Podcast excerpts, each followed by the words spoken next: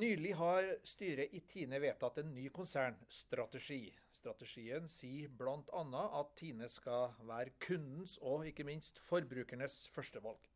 Og I denne podkasten, beregna på dere som er Tine-eiere, så skal vi snakke om de endringene som denne strategien kan bidra til. Og Jon Lasse Garberg, leder i strategiutvikling i Tine, du er vår ekspert i dag. Velkommen. Tusen takk. Eh, aller først så tror jeg vi trenger en begrepsavklaring. For jeg sa jo at vi skal være kundens og forbrukernes førstevalg. Hva, hva, hva, legger, hva legger vi i de to begrepene? Ja, Det er ganske enkelt. Eh, forbruker det er jo deg og meg som personer. Vi som forbruker produkter. Og kunden er jo Tines kunder, sånn som eh, dagligvarekjeder som Rema 1000 f.eks. Mm. Så vi snakker egentlig om at forbrukerne når vi gjennom kundene. Ja. Mm. OK. I, I, strategien så heter det jo det at vi skal utvikle merkevarer som skal begeistre med meieri som kjerne. På hvilken måte skal Tine begeistre? Vi, skal jo begeistre eh, ved å være, ha de merkevarene som, eh, som, da forbruker vil ha. Altså du er som personer. Eh, det vi tenker på når vi tenker på å lage mat f.eks., vil jo være et Tine-produkt. Det er vår ambisjon alltid. Og med, det er jo ikke bare forbruker vi da skal begeistre. Vi skal jo også begeistre kundene, kjedene, ved at de vet at forbruker vil komme til de for å handle Tine-produkter. Og da må de være trygge på at de eh, kan ha gode Tine-produkter som de tjener gode penger på. Men jeg tenker på begrepet begeistring. Ikke nettopp det Tine har prøvd på i mange tiår. Ikke nødvendigvis under Tine-navnet, men Meierisamvirket jobba med det å begeistre og få produkt som forbrukerne liker. Hva, hva er nytt i det? Eh, det er vel ikke nødvendigvis så mye nytt i det. Eh, det er vel mer en videreføring eh, av alt det gode arbeidet som vi har gjort fram til nå, og som vi skal fortsette med. Den strategien her er jo ikke nødvendigvis bare nye ting. Det aller, aller meste skal vi jo fortsette som vi har gjort tidligere. Og da må vi fortsette å kunne begeistre. Mm. Vi liker å si at dere forbruker elsker Tine. Uh, og det er den ambisjonen fremover også. Fortsatt elskes. Men uh, jeg er jo litt i tvil på om det er realiteten, da, når vi ser at pilene peker nedover. På melk har gjort det i, i, lang tid, og vi ser også at uh, den mangeårige positive trenden på ost også har, har stansa opp. Er det nok da å, å få begeistringsordet inn i strategien for å for å snu virkeligheten? Nei, på ingen måte tror jeg det er nok å få det inn i strategien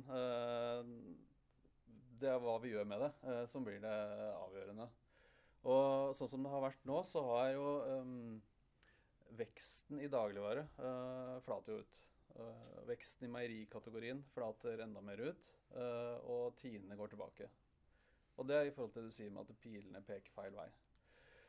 Det er jo det vi har lyst til å snu.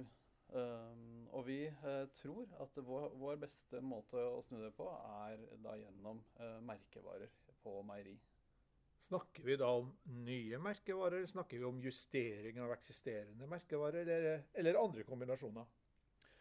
Eh, jeg tror nok du kan bare slå hendene dine sammen. Eh, jeg tror vi snakker om justering av merkevarer, eh, utvidelse av merkevarer, og også kanskje nye merkevarer.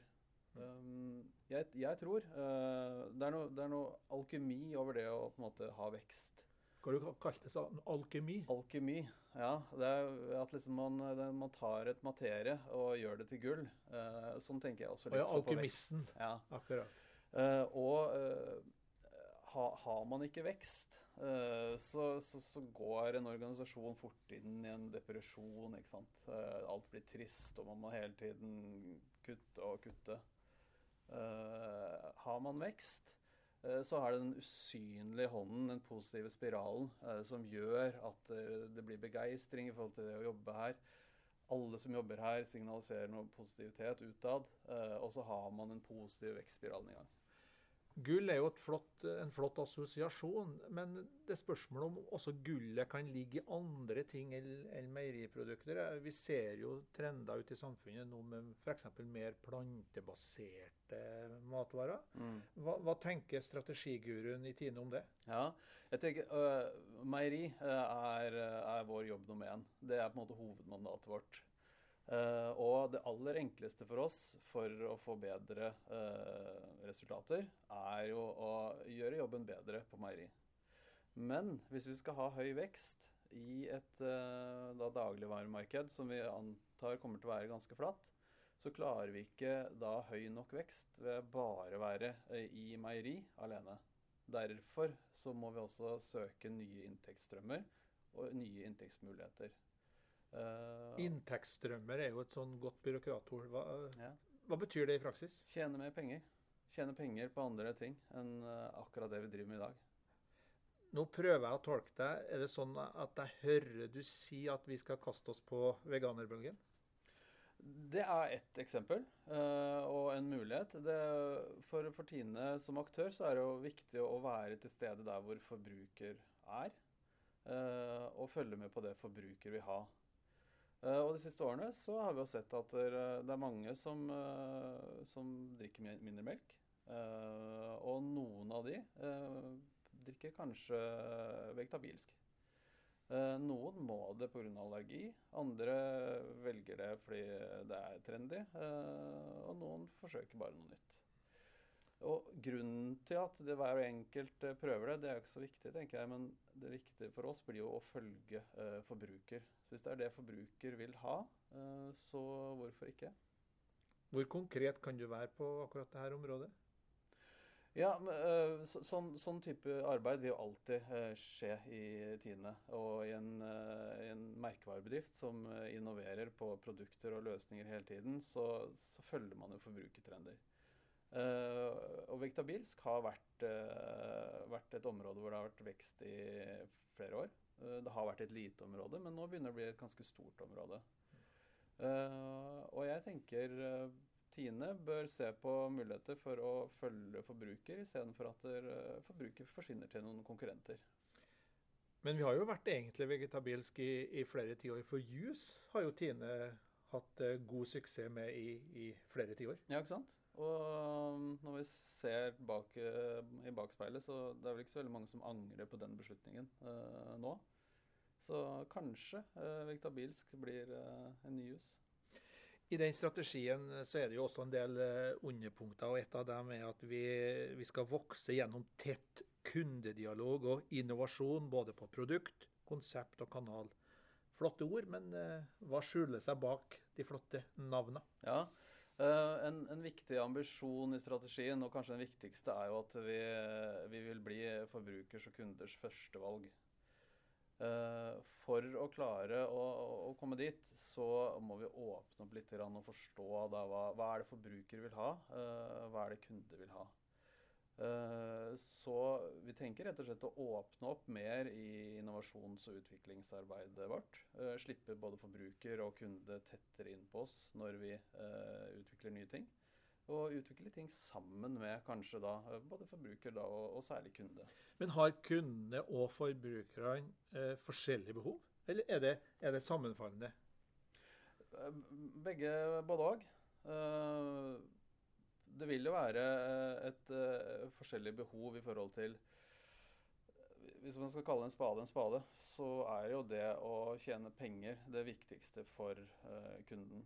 Det at de har en margin på de produktene som de sender gjennom sine systemer, det er det viktigste. Uh, og den beste måten de kan treffe på, er å treffe der hvor forbruker ønsker å ha, eller ønsker å finne. Um, så, så de, de, har på en måte et likt uh, behov, men uh, det spiller jo på forskjellige elementer. Da, ikke sant? Uh, vi må spille på forskjellige knagger for å tirre forbruker, for å pirre forbruker til å velge våre produkter. Mm.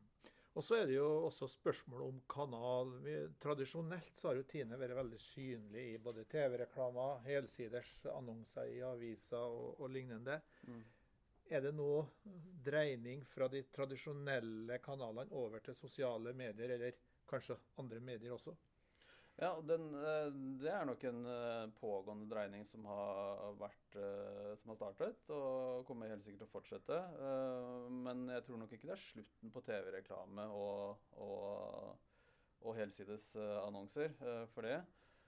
Her er det en sånn helhetlig plan. Men snakker vi om en dreining? Ja, altså sosiale medier blir jo viktigere og viktigere. Det er det jo. Men det står jo her også at dere skal bli flinkere på innovasjon på kanal. Mm. Hva menes da med det?